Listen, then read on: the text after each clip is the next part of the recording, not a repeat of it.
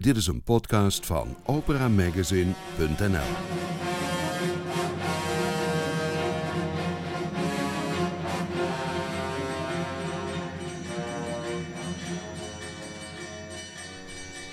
Welkom in Studio Nibelheim. Hier hoort u Niels, achtergronden en interviews over opera en lied.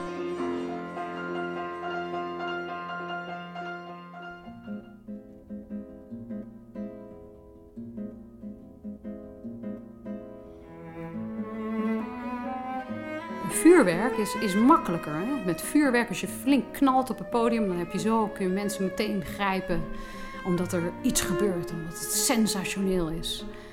Maar iets heel gewoons doen op het podium, en met dat en met een, met een grote openheid en kwetsbaarheid, is voor mijn gevoel enorm waardevol. Omdat mensen zich daarin kunnen herkennen.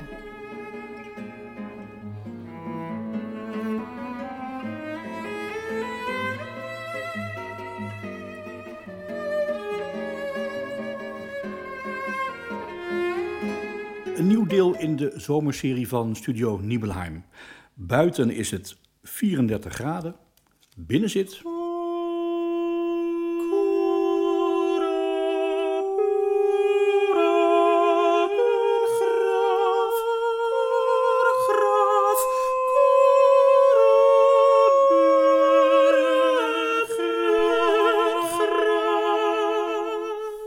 Want dat ben je, Cora Burggraaf, welkom.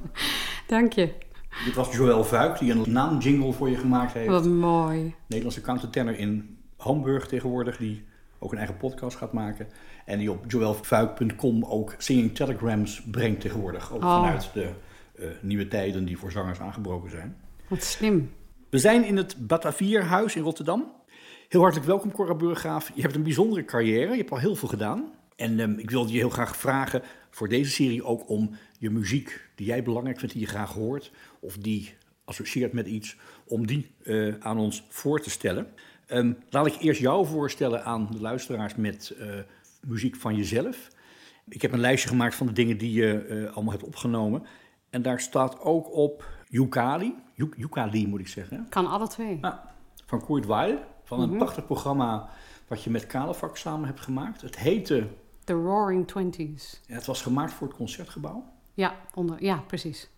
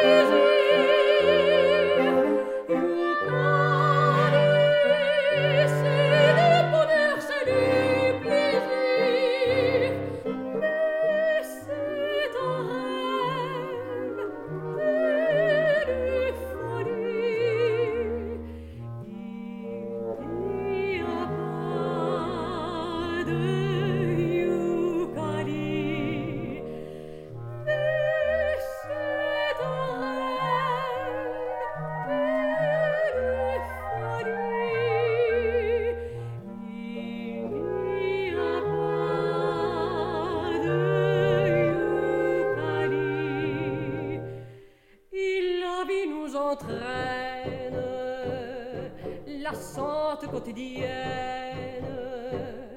Mais la pauvre âme humaine, cherchant partout l'oubli,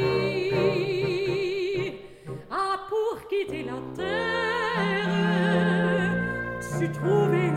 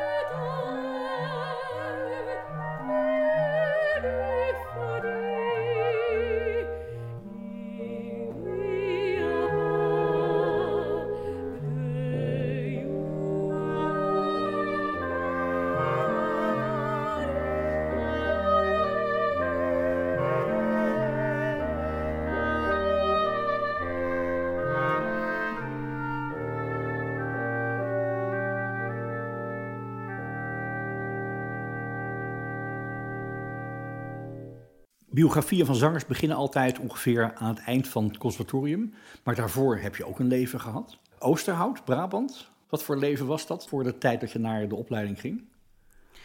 Eh, een heel eh, rustig, eh, ja, vriendelijke omgeving eigenlijk. En ehm, met een zus en een broer en zingen tijdens de afwas. Wat zongen jullie? Kinderen voor kinderen, denk ik. Maar we zongen ook kanons, maar dat weet ik niet meer zo. En veel Zweedse liedjes, omdat mijn, eh, of Noorse liedjes, sorry, omdat mijn, mijn moeder had een, eh, heeft gewerkt in Noorwegen, dus die had, eh, die had daar liedjes mee vandaan genomen. Ehm, en ik zong al heel vroeg in een koor, Ehm, maar een heel vriendelijke, eh, vriendelijke tijd was dat. Wat werd er gedraaid thuis door je ouders bijvoorbeeld? Nou, mijn vader houdt van trompetmuziek. En wij hadden James Last in huis. En Kinderen voor Kinderen herinner ik me. Maar verder herinner ik me niet heel veel andere muziek. Griek, daar hield mijn moeder heel erg van. Ook vanwege het Scandinavische eh sferen natuurlijk. En verder niet zoveel. In de kerk eh, kwam er veel muziek langs. Katholiek? Ellie en Rickert, daar luisterden we naar. Hey, Precies, oh, ze ja. zijn er net mee opgehouden, heb ik gehoord. Ja. Vond je het ook mooi toen je dat hoorde in die tijd? De kauwgomballenboom vond ik heerlijk, herinner ik me. En ik denk dat me op dat moment eh, alles wat voor mijn voeten kwam, eh, ik interessant vond. Op de middelbare school had ik mijn eigen, toen kreeg ik mijn eigen radiootje. Dan, dan zette ik de cassette recorder aan, want ik kon opnemen terwijl de radio aanstond. Dus dan was ik meestal net een seconde te laat natuurlijk, dus het begin stond er niet op. Maar dan zette ik hem gauw aan en dan spoelde ik hem 80.000 keer terug totdat ik het liedje uit mijn hoofd kende. Zoals eh, Whitney Houston natuurlijk. And I Will Always Love You. Kon je ook zo hoog? Ja, die ene noot, dat is echt een rotnoot. Er zit aan het eind, alles ging goed. Maar dan die ene noot, daar heb ik hard op geoefend, ja. Dat is gelukt uiteindelijk. Is dat nog wel, als ik- even een korte afslag maak naar het conservatorium, nogal een stap dan vanuit James Last, Kinderen Zeker. voor Kinderen en Whitney Houston. Ja, Wa- Waar is, is er een omslag geweest? Heb je, een soort, heb je iets ontdekt? In, nou, in- er zat wel een koor tussen. Dus Hmm. ik zat op de Oosterhoutse Nachtegalen. En dat was een heel goed koor. Wat, en, en, eh, we hadden veel concerten. En daar leerde ik natuurlijk allerlei soorten muziek kennen. Eh, kerkmuziek, maar ook eh Handel, eh, de klassieke, ehm, volksmuziek. Dat, daar, daar zat van alles tussen. Dus daar, in ieder geval ontdekte ik daar andere muzikale werelden. Eh, maar dan nog was de stap naar het conservatorium gigantisch. Ja. Ja. Toch heb je die gemaakt. Ja, Wat was de grootste overwinning die je moest maken om daar te komen? Want nou eigenlijk vooral het, ehm, ik denk uiteindelijk ervoor kiezen om ehm, weg te stappen uit eh, de, Brabantse cultuur. Eigenlijk, dat was voor mij denk ik de grote stap. Want ik had eerst, ik, ik zat op een gegeven moment tijdens mijn laatste jaar middelbare school, zat ik op de vooropleiding in Utrecht. Dat was nog te bereizen. Ehm, en eh, vanuit eh, Oosterhout, waar ik woonde. Maar ik wilde naar Den Haag, omdat daar een betere docent zat. En dat was wel, zeg maar, die stap maken daar naartoe, dat was een, eigenlijk misschien wel het moeilijkst. Zeggen, ik ga echt, ik laat dit achter me en ik, ik, ik, ik ga verder. was het een pijnlijke stap ook voor bijvoorbeeld je eigen leven, voor je omgeving? Ik denk voor mijn familie, voor mijn ouders, was het een pijnlijke stap. Of in ieder geval was het een, eh, eentje die ze misschien niet direct hadden zien aankomen. Ik was ook jong. Ik was een eh, vroege leerling, dus ik was 17. Voor, ik was alleen maar, eh, yeah, enthousiast en zag eh, voor ready to go, ja. Dus voor mij was het eh, absoluut niet moeilijk. Maar eh, ik denk voor mijn, voor, mijn, voor mijn ouders wel. Ja. Wat voor beeld had je van je vak toen, in die tijd dat je ging studeren? Wat, kan je nog herinneren wat voor beeld je had van je toekomst en misschien dan later ook hoe dat geworden is uiteindelijk? Ja, het gekke is, ik had helemaal niet zo'n beeld. Want ik, ik ben er natuurlijk helemaal... Het duurde bij mij ook heel lang voordat ik doorkreeg... dat ik überhaupt van zingen een carrière zou kunnen maken. Dus ik was ook helemaal niet vroeg bij met het idee van... ik ga naar het conservatorium en ik word muzikant. Het kwam bij mij pas heel laat. Ik wilde eigenlijk altijd journalist worden. En ehm, eh, totdat ik eh, op zangles en, en dat ontwikkelde... en ik eh, steeds meer gemotiveerd werd, ook door eh, andere mensen om daar meer mee te doen. En zo kwam ik op het conservatorium terecht. Maar ik moet eerlijk zeggen, ik had helemaal niet zo'n beeld van... oh, dan ga ik dat doen. En dan heb ik zo'n soort carrière. En dan ga ik de opera in. De opera ontdekte ik pas veel later. Dat was absoluut niet... eh, ik, ik begon niet met een droom. Ik dacht alleen maar zingen, leuk. En weg uit Brabant. Ja, ja. Bracht het die eerste jaren ook wat je had gehoopt aan loslaten, aan afstand nemen van een ander leven? Ja, absoluut. Voor mij was het eh, een. eh, ik, vond het heel, eh, ik vond het heel moeilijk op het conservatorium. Meer om ja, echt de goede weg te vinden of zo. Maar ik vond de, de, ik, ik voelde me wel onder gelijkgestemden. En ik, ik voelde me ook meteen op mijn plek. Ik dacht meteen, hier hoor ik. Het was bijna een soort thuiskomen ook. Ehm, dus ik heb het altijd als heel ehm, verrijkend ervaren. Ja. Ook gericht op een vak. hè? Het is ook een vakopleiding, Ja. zou je kunnen zeggen. Terwijl je, ik zeg, nou, daar had ik niet zo'n ideeën bij hoe dat vak er dan voor mij uit ging zien. Waar werd je door gegrepen muzikaal in die eerste jaren van de opleiding? Goeie vraag. Ehm, ja, ik, eh, ik zong van alles en nog wat. Dat weet ik wel. Echt eh, niet veel opera, maar wel die eerste jaren Mozart herinner ik me. Debussy ontdekte ik, dat vond ik fantastisch. En eh, Brahms, Haydn, de canzonettas. Ehm, maar ik begon ook al, zeg maar, ik denk in mijn twee, nou misschien mijn eerste jaar wel, ontdekte ik Weil.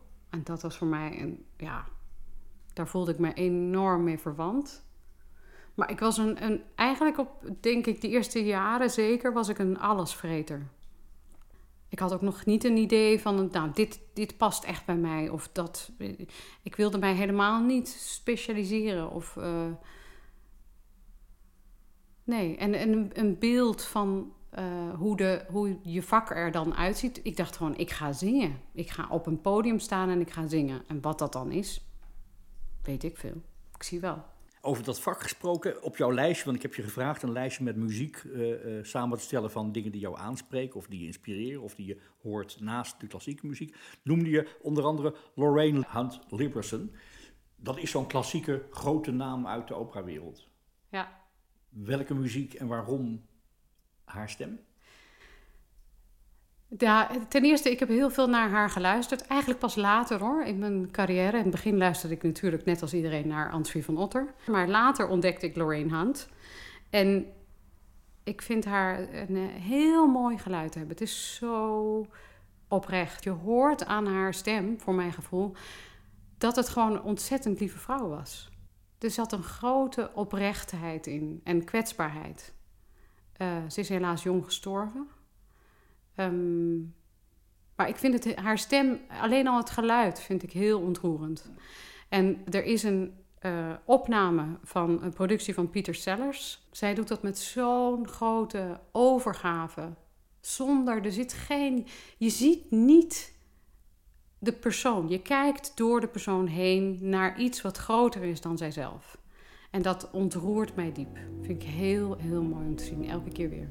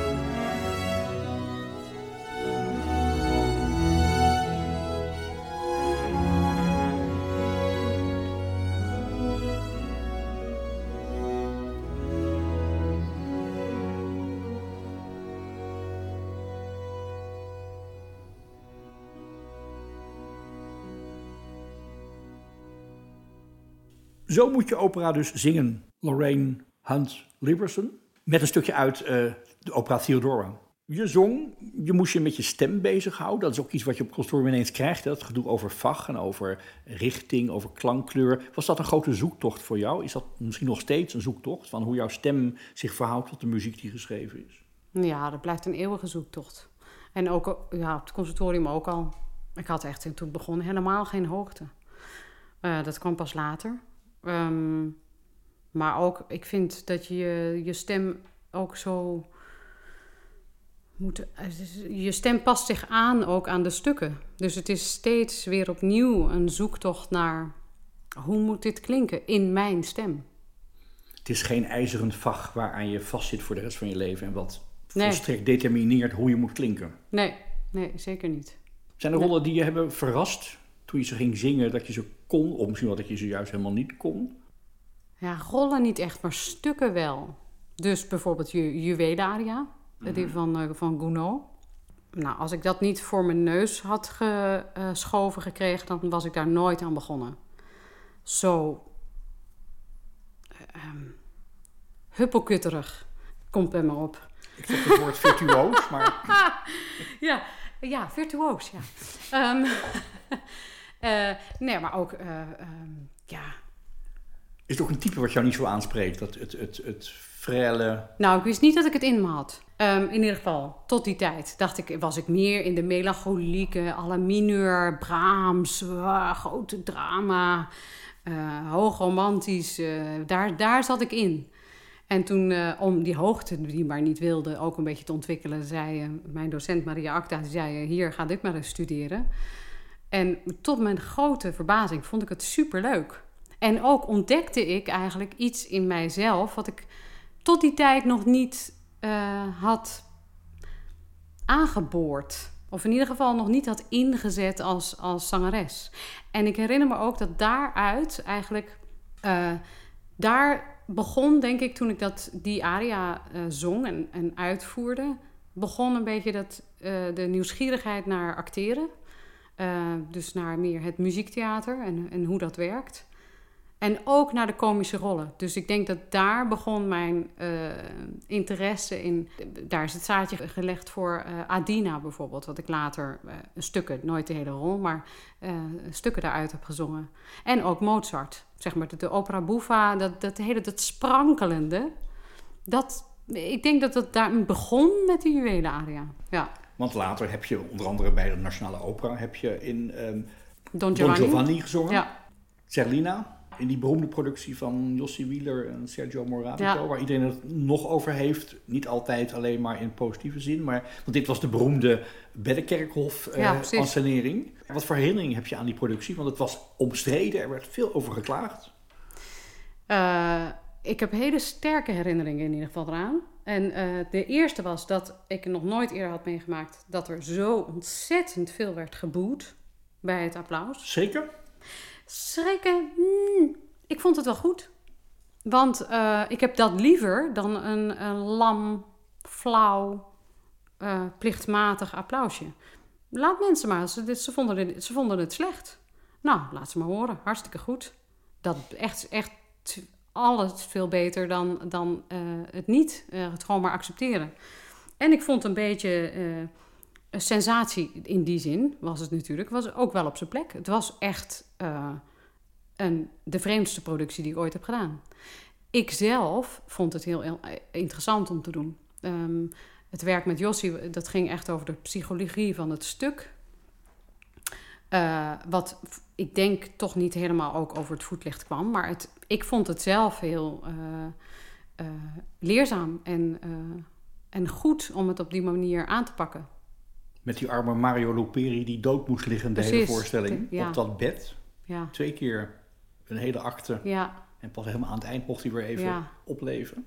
heftig hoor. We komen erop omdat jij zei, ik kon Mozart zingen. Ik ontdekte Mozart dankzij die stap die ik maakte in die juwelenaria Ja. uit eh eh, Faust van Gounod. Je had bedacht voor dit fragment om Mirella Freni te laten horen. Ja, Is dat een stem die jou aanspreekt? ja, absoluut. Wat maakt haar interessant? Ehm, Ja, ook weer om verschillende redenen. Het, het gaat bij mij toch heel vaak ook puur om het geluid. En wat iemand daarmee doet. Ehm, net als Lorraine Hunt. Het is gewoon een, een klank die ik prachtig vond. eh, vind. Dus, nou, ze leeft niet meer, maar... eh, ja, heel ontroerend geluid. En die oude video, die bibberige videobeelden van eh, eh, Mimi, waar, waar zij Mimi zong, van Bohem. Dat is zo ehm, iconisch inmiddels. Ik had daar zelf veel meer... Ik heb ook naar Callas geluisterd natuurlijk, maar ik had daar meer mee dan met Callas. En Callas, de, de- ja, de vriendelijkheid van Vreni ook. De- dat, de bescheidenheid die eruit sprak. Ik vond het vuur van Callas bijvoorbeeld fantastisch, maar ik had meer met het... Ja, dat suave, hoe zeg je dat? Het, het, Subtiele, ja, aardser. ja, ja, aardser. Eenvoudiger misschien wel. Waarin een grote, grote kracht schuilt. Als je, dat, als je je daaraan... Dat is heel kwetsbaar. Eh, eh, vuurwerk is, is makkelijker. Hè? Met vuurwerk, als je flink knalt op het podium... dan heb je zo, kun je mensen meteen grijpen... omdat er iets gebeurt, omdat het sensationeel is. Maar iets heel gewoons doen op het podium... en met dat en met een, met een grote openheid en kwetsbaarheid... is voor mijn gevoel enorm waardevol. Omdat mensen zich daarin kunnen herkennen. En omdat dan ook de mensen de toehoorder... die kan zich dan ontvankelijk opstellen. In plaats van dat ze naar een, een, een beeld krijgen, kijken... Waar, en dat ze luisteren naar, naar, een soort, naar een geluid... waarin ze zichzelf niet hoeven mee te nemen...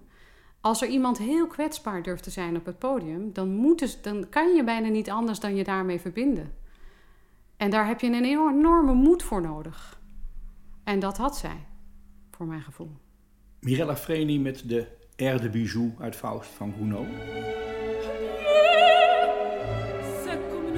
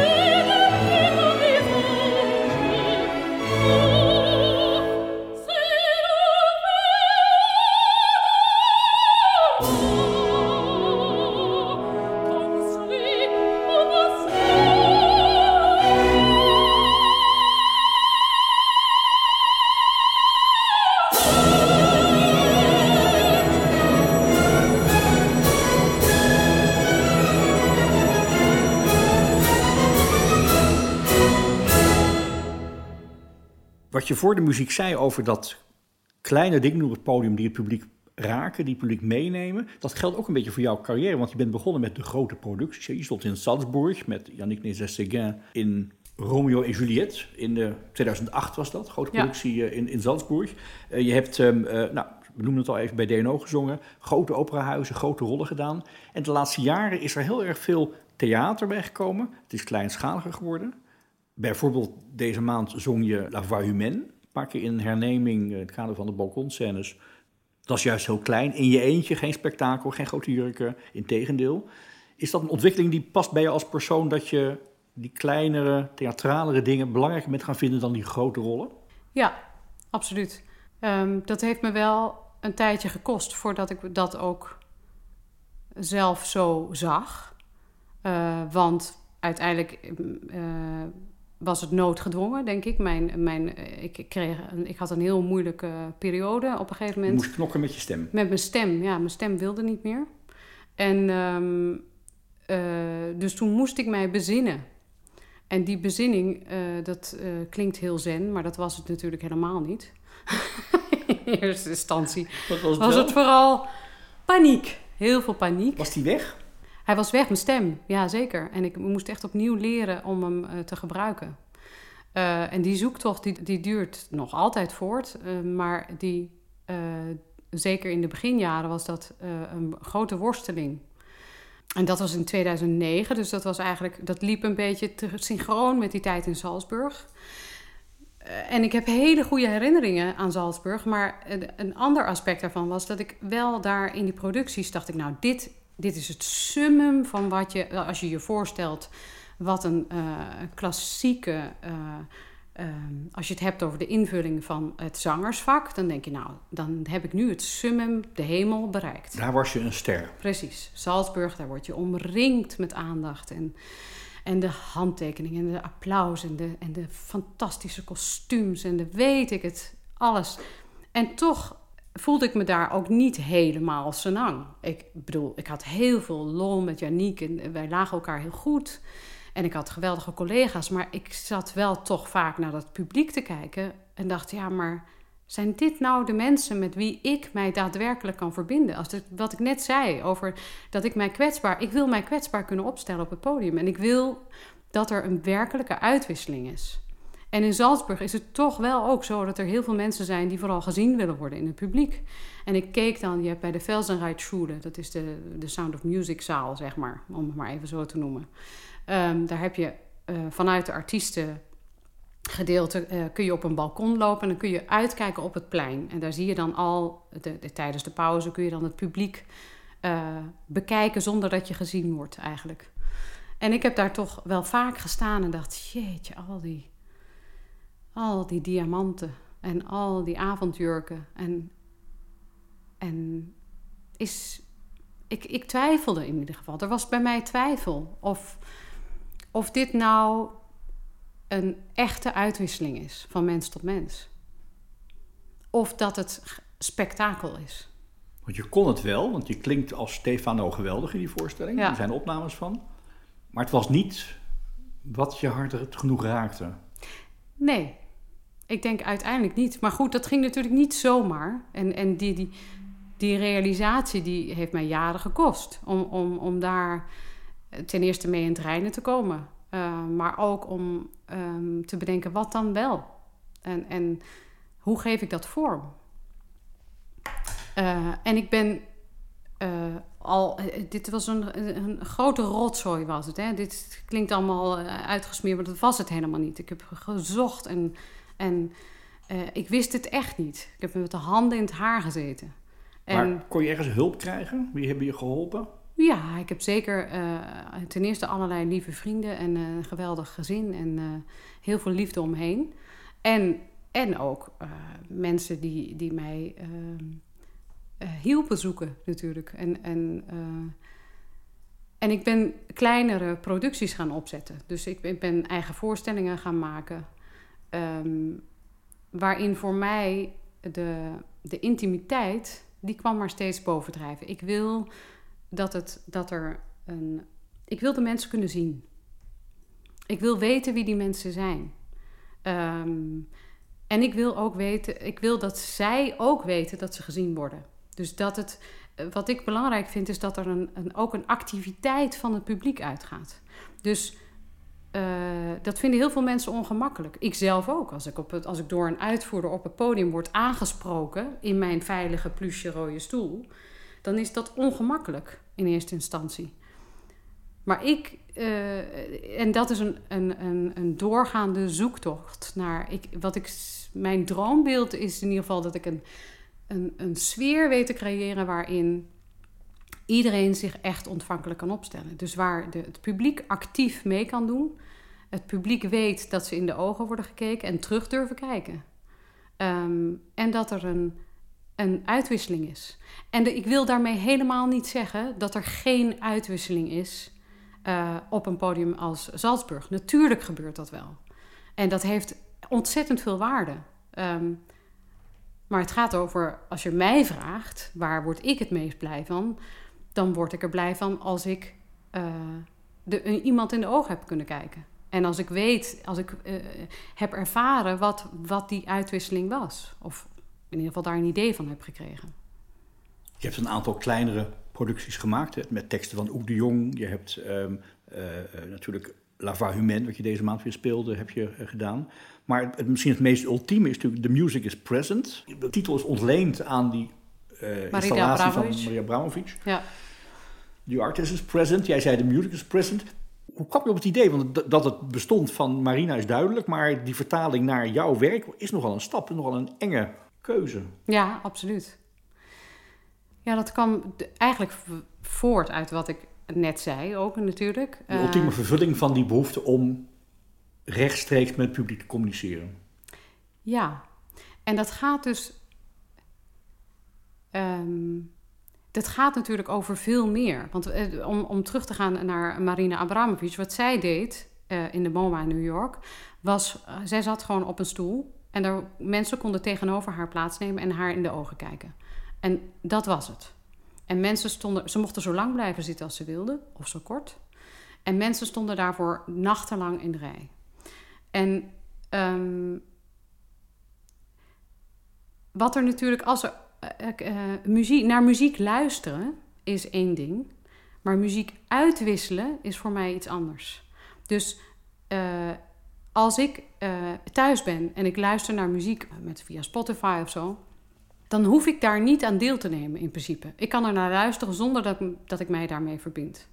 Maar als er live muziek is, daarom heeft live muziek ook zoveel waarde, dan gebeurt er iets anders. Want er is een, een uitvoerder op het podium die neemt de hele de, eh, atmosfeer van een zaal mee. En ook het gezamenlijk luisteren naar eh, bepaalde muziek of naar een bepaalde artiest ehm, geeft een meerwaarde. Eh, uiteindelijk is ook het ultieme doel dat we gezamenlijk met z'n allen in een bepaalde toestand komen waarin de tijd stilstaat, eh, waarin we een bepaalde flow. Nou, er zijn allerlei benamingen voor die we wel kennen. Ehm, en dat kan alleen maar in een live situatie, waar iemand die muziek op dat moment uitvoert. Maar heel vaak is mijn ervaring in de zaal, en zeker bij liedrecital zo, dat er nog steeds wel degelijk een vierde wand is. En je kunt eh, als acteur kun je spelen dat het publiek er wel is, dus juist het publiek meenemen in jouw spel, of je kunt ze negeren. Je kunt net doen alsof ze er niet zijn. Als jij moet spelen dat jij alleen in de bergen wandelt, dan doe je net alsof het publiek er niet is, natuurlijk. Maar bij veel concerten zie ik, gebeurt het toch ook vaak dat er wordt gespeeld alsof het publiek er niet is. Terwijl ik denk, eh, ik kan ze niet negeren. Ik kan ze niet negeren, want daar zit het goud. Als er oprechte uitwisseling plaatsvindt, dan heeft dat een cumulatieve waarde waarin ik, ik als persoon of als uitvoerder heb daar helemaal niks mee te maken. Ik kan zo goed zingen als ik wil, maar als die mensen meedoen, als zij meegaan en willen uitwisselen, dan is er magie. Dat heeft niks te maken met ik, dat ik mijn kunst uitvoer. En dat ging je doen aan dat tafeltje op die podia Ja. met Hans IJzergas op de piano. Daar, zo kwam ik erop, hè? Ja. Wat, wat gebeurde er? Wat, wat zijn de bijzondere dingen die je hebt meegemaakt aan dat tafeltje met iemand uit het publiek?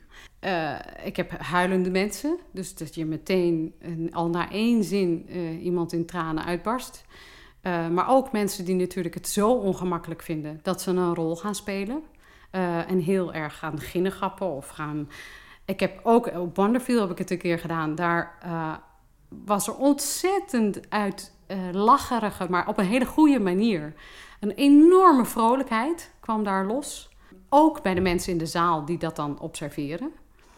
Ehm, en voor mij, ik vind juist, kijk, de, de, de mensen die tegenover mij plaatsnemen, die moeten zich veilig voelen. Er moet natuurlijk een gevoel van veiligheid zijn. Maar het ongemak is deel van de realiteit. En ik vind ook dat die moeten kunnen meespelen. Dus dat, dat is namelijk wat ons menselijk maakt. En we moeten dat niet wegpoetsen. Ik denk juist dat dat een meerwaarde heeft. Want degene die tegenover mij plaatsneemt is ongemakkelijk, maar wat denk je van mijzelf? Het is nogal wat als iemand eh, op anderhalve meter afstand eh, mij in mijn keel zit te kijken terwijl ik eh, mijn, mijn liedjes probeer te zingen. Dus dat ongemak is van beide kanten. En als je daar samen doorheen komt, dan ontstaat er iets heel bijzonders. En wat mij vooral opvalt, is dat er na afloop een totaal andere sfeer is. Dus ik word meestal, als, er, als het concert is afgelopen, dan ga ik ook niet af met een grote buiging. Ik blijf gewoon aanwezig en, en, en, nou, dank u wel, dit was het. En eh, blijf nog even napraten. En dat ik dan meteen omringd word door al die mensen uit het publiek. En er ontstaan allerlei gesprekken, maar alsof je elkaar een beetje echt hebt leren kennen. En dat is heel anders, in ieder geval voor mij ook, dan dat ik eh, mijn buiging neem en backstage ga en eh, zeg, nou, tegen de pianist zullen we nog even wat drinken en, eh, en weer naar huis ga. Dus ja, ik vind het zelf een geweldig project om te doen. Blijf je het ook doen? Ja, ja, absoluut. Ik herinner me het beroemde verhaal van Marina Abramovic... die haar ex-man aan tafel kreeg. Heb je ooit jouw echtgenoot aan tafel gehad? Nee, nee, dat nooit. Maar ik, grappig genoeg herinner ik me wel dat een van de allereerste ontmoetingen... ik denk sterker nog, misschien wel de allereerste... was bij hem thuis. En toen heb ik voor hem gezongen. Zo in zijn kamertje. Dus dat was eigenlijk misschien wel... kwam heel dichtbij. Who needs first dates als je Ja. een goede stem hebt? Ja. Ik zat te denken welke muziek past nou bij dit gesprek. En eigenlijk is dat misschien toch Jacques Brel. Omdat het natuurlijk een van de mensen is die ultiem het persoonlijke, het energieke, het eh, ook heel ongekunstelde, heel pure eh, lied zong. Wat spreekt je aan in die muziek?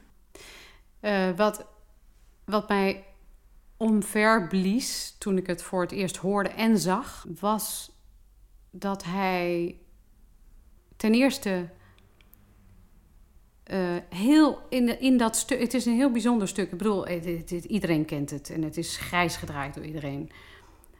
Ehm, maar steeds als ik het hoor, denk ik weer: die tekst is zo fantastisch, want het blijft liefdevol. Dus het zegt, blijft de hele tijd zeggen: ik, ik wil alles voor je doen. Als je me maar niet alleen laat. Ten eerste vind ik dat ontzettend ontroer- ontroerend, omdat ik denk dat dat een van de meest fundamentele waarden van onze mens, eh, mensheid is. Namelijk, we willen ons verbonden voelen. Ehm, dus verlatingsangst is iets wat we allemaal kennen. En hij heeft dat op een ja, onnavolgbare wijze eh, eh, verwoord. Door juist de hele tijd hij, eh, liefdevol te blijven. Ik wil alles voor je doen. Dit, dit, ik, ik wil mijzelf vernederen. Als, als je maar bij me blijft. Zonder beeld, maar wel met geluid. Jacques Brel, Ne me quitte pas. Ne me quitte pas, il faut oublier, tout peut s'oublier, qui s'enfuit déjà, oublier le temps des malentendus et le temps perdu, à savoir comment oublier ces heures qui tuaient parfois à coups de pourquoi le cœur du bonheur. Ne me quitte pas, ne me quitte pas, ne me quitte pas, ne me quitte pas. Moi, je t'offrirai des perles de pluie venues de pays où il ne pleut pas. Je creuserai la terre jusqu'après ma mort pour couvrir ton corps d'or et de lumière. Je ferai un domaine où l'amour sera roi, où l'amour sera loi, où tu seras reine. Ne me quitte pas, ne me quitte pas, ne me quitte pas, ne me quitte pas.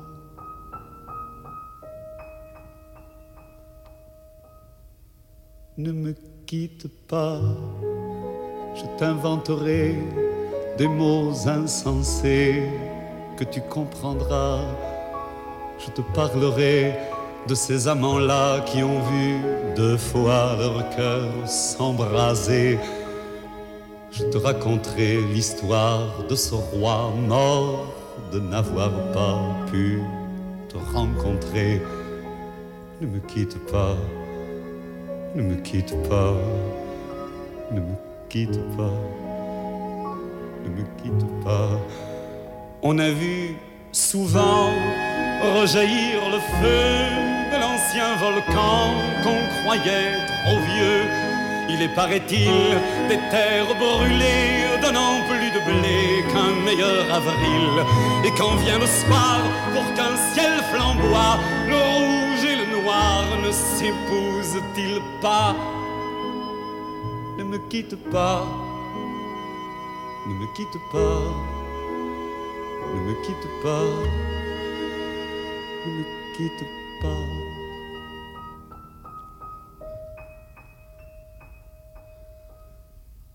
Ne me quitte pas. Je ne vais plus pleurer. Je ne vais plus parler.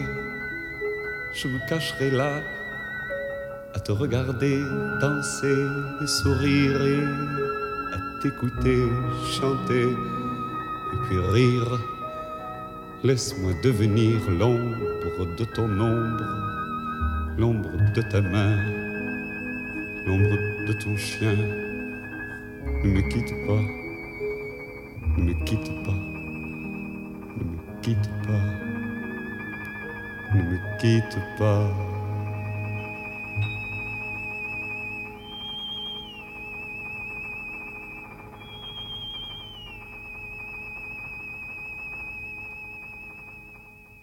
Het zijn rare tijden.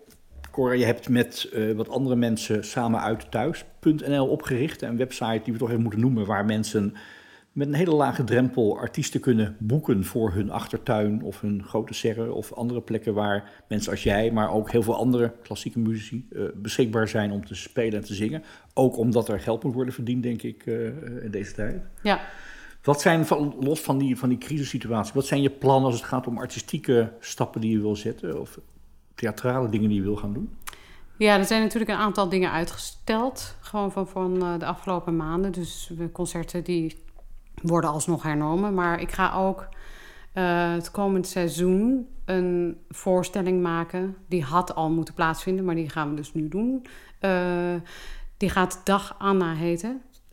Want het Rosa Spierhuis heeft een nieuwe concertzaal. En die mag ik openen met een voorstelling over de vrouw naar wie de zaal is vernoemd. Ehm, en, ehm, Wie is die Anna? Anna Stibbe. Eh, zij was een, eh, vergeten, eh, pianiste en componiste. Ehm, en ik ben op zoek gegaan naar haar. En die voorstelling, waarin haar muziek natuurlijk ook te horen is, heeft veel liederen geschreven. En zij woonde toevallig bij mij in de straat in Amsterdam, een, een blok verder. En er is heel weinig meer over haar te vinden, maar dat is juist ook heel mooi. Die voorstelling gaat ook over het, het recht om te verdwijnen en of dat nog kan. Ehm, dus daarmee, eh, die, ik schrijf daarvoor de tekst en ik eh, vlecht het in elkaar. En dat eh, gaat in ieder geval komend seizoen plaatsvinden. En ik wil heel graag een voorstelling maken over ehm, Elsa Diepenbrok, de vrouw van Alfons. Over haar is een prachtige biografie verschenen. Alfons was geen makkelijke man. Eh, de- eh, hun leven is ook al in roman verschenen. Hij had een langdurige affaire. En zij een kortstondige. Maar ehm, het, het is een fantastisch verhaal eigenlijk eh, van haar leven. En juist omdat zij een heel gewone vrouw was. Een gewone vrouw met een, met een uitzonderlijk heldere blik. Die ga je proberen theatraal vorm te geven. Ja, In je eentje komt er muziek bij, komt er een ensemble bij, een pianist. in principe komt daar een pianist bij. Ja, ja dat is nu het plan. Met andere woorden, zeg maar die stroom aan ideeën die je zelf hebt ontwikkeld. Hè, want dat is bijzonder dat iemand die zingt niet alleen maar uitvoerster is van wat anderen bedacht hebben, maar die ook zelf theater maakt. Dat gaat nog wel even door. Ik denk het wel, ja. En komt zo'n, op- wat, zou- wat zou een denkbare operarol zijn, hè, waar we het net over hadden daarnaast, dat, dat terug naar die kern van die opleiding en die officiële zangmanier. Is- dat denkbaar, dat er, een, dat er een rol is waarvan je zegt, nou dat zou ik ja op zeggen als ze me die zouden vragen? Ja, ik heb volgens mij de Melisande. Daarvan denk ik dat zou me heel goed passen. Kan ik me iets bij voorstellen. Maar ook, want Melisande is natuurlijk, die heeft een grote weemoed. Eh, ik, ik kan me ook, als ik nog weer opera ga doen, dan kan ik me ook voorstellen dat het juist met een of andere bravoure rol, weet je, met, met veel pit, wat Melisande niet is. Die is heel, heel eh, eh, traag in haar eh, gedragingen. La Fanciulla del West. Ja. Mini. Zal Ja, omdat ja. te zwaar Nou, zijn qua stem. Maar, Ja, ik denk het ook. ja, maar wie weet wat er komt. Ja, precies. Laten we eindigen met ehm, Benjamin Clementine. Een naam die mij niks zei, maar jij kent hem goed en je bent een fan van hem. Ja, Singer-songwriter. ja zeker. Ik heb eh, hem leren, zijn muziek leren kennen door een vriendin van mij... die heel, helemaal weg is daarvan. En ehm, eh, ik vind het... eh, hij heeft een uitzonderlijk mooi geluid. Echt een goede zanger. Een geweldige, oorspronkelijke stem. Recht voor zijn raap. Goede teksten. En ook hij, hij stoort zich aan niks. Hij, hij doet helemaal wat hij zelf wil. Heel eh, verfrissend om naar te luisteren. Iets wat je ook zou willen kunnen doen. Zo ongecontroleerd of zo ongeconditioneerd zingen als zo iemand. Ja, zeker. En ook waar ik, ja, waar ik in mijn. eh, waar ik uiteindelijk waarschijnlijk steeds meer zal uitkomen. Ik denk dat ik het wel al doe hoor. Ook binnen mijn eigen mogelijkheden. Dat is een, een, daar kun je altijd nog weer een, eh, een, een nieuw deurtje in openen, zeg maar. Die weg ligt open. Ja, Laten we luisteren naar Benjamin Clementine. I Won't Complain heb je uitgezocht. ja. Dankjewel voor dit gesprek en heel veel succes met alles wat je van plan bent de komende jaren. Dankjewel. Dankjewel. It's a wonderful life, it's a wonderful life. Traversing tears from the heavens. My heart is a melodrum, a melodrum, in fact. Satellite by echoes of pain 24 7. 24 7. I dream, I smile, I walk,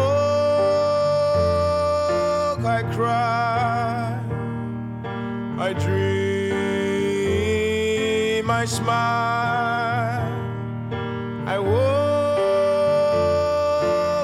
cry. You might not say that it's a wonderful world, and it's a wonderful life, and it's a wonderful day, just as yesterday.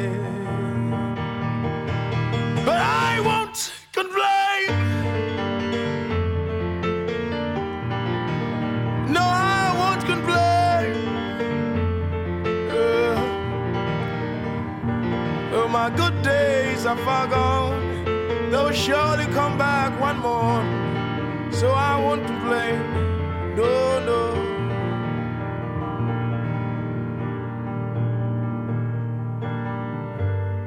My mind is a mirror,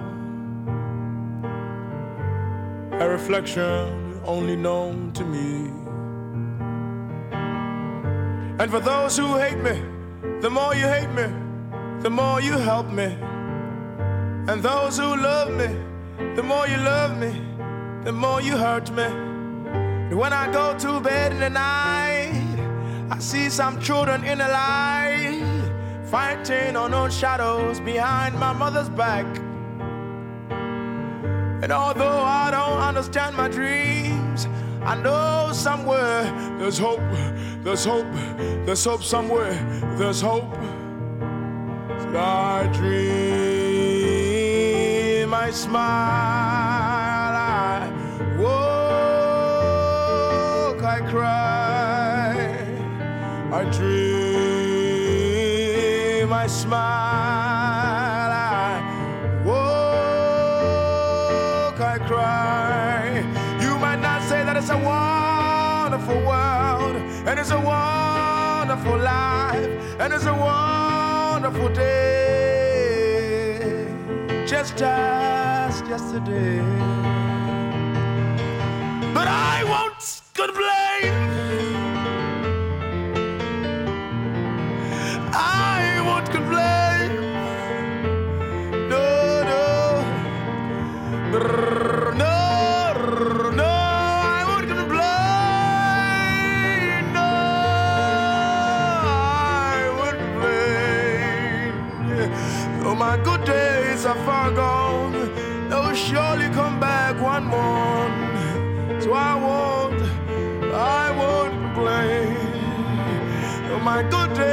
are far gone. They will surely come back one more. So I won't, I won't